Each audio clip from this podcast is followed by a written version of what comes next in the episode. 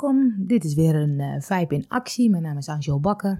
Uh, ik heb net een uh, video opgenomen voor het festival It's All About Me. En ehm, dat was een vraag over wat is mijn uitdaging op het gebied van marketing en storytelling. En daar kwam ik eigenlijk achter dat het bij mij gaat om dat ik mijn eigen weg blijf volgen. En daar heb ik het wel vaker over gehad. Ehm, maar wat ik merk, en ik kwam ook een artikel tegen, dat eigenlijk de wereld zo ontzettend aan het versnellen is dat het zo lastig is om even stil te zitten of even tijd te nemen. En um, dat, is, um, dat is ook waar ik wel tegenaan loop. Dat uh, de afleiding met uh, computers, internet, uh, Facebook, e-mail, maar ook sporten en vrienden, relatie, werk. Nou ja, zoveel dingen te doen. Er stond in het artikel: altijd maar druk zijn is eigenlijk de ziekte van deze tijd.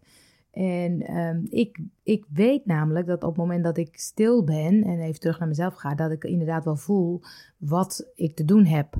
En vervolgens gaan dagen voorbij en ben ik uh, vooral aan het um, dingen aan doen die actueel zijn en uh, die op mijn to-do-lijstje staan. En soms uh, laat ik me afleiden door van alles en nog wat. En um, dit was een oefening ook om inderdaad even stil te zijn door middel van schrijven. En eigenlijk schrijf ik helemaal niet meer zoveel, want uh, ik typ veel vaker.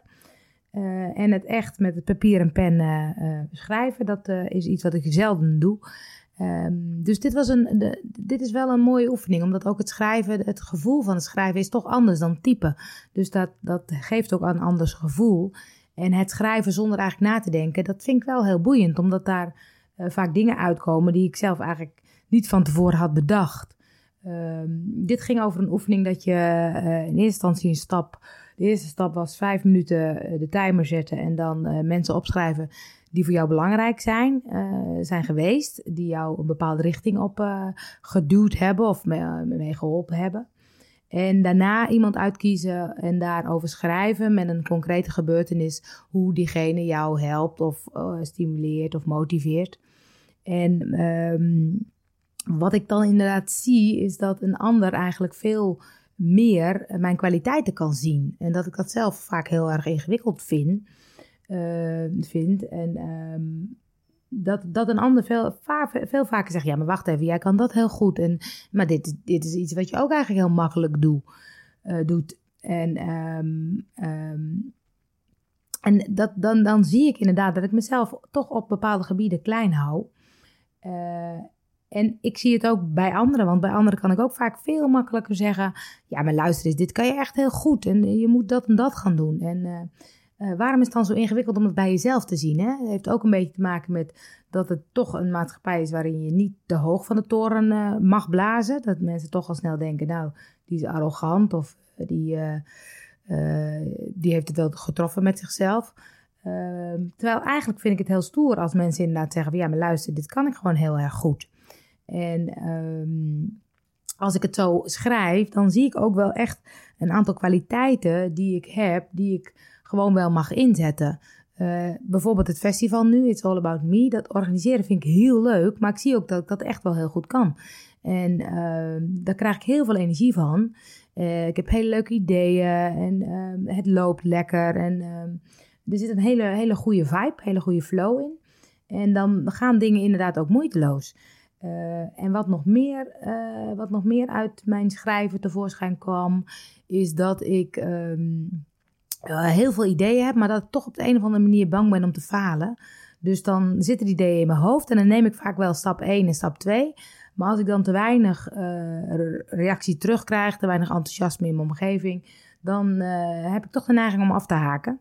Ehm, terwijl het, het zijn dingen die ik heel erg leuk vind. En um, waarvan ik nu realiseer, waarom ga ik dat niet gewoon uh, neerzetten?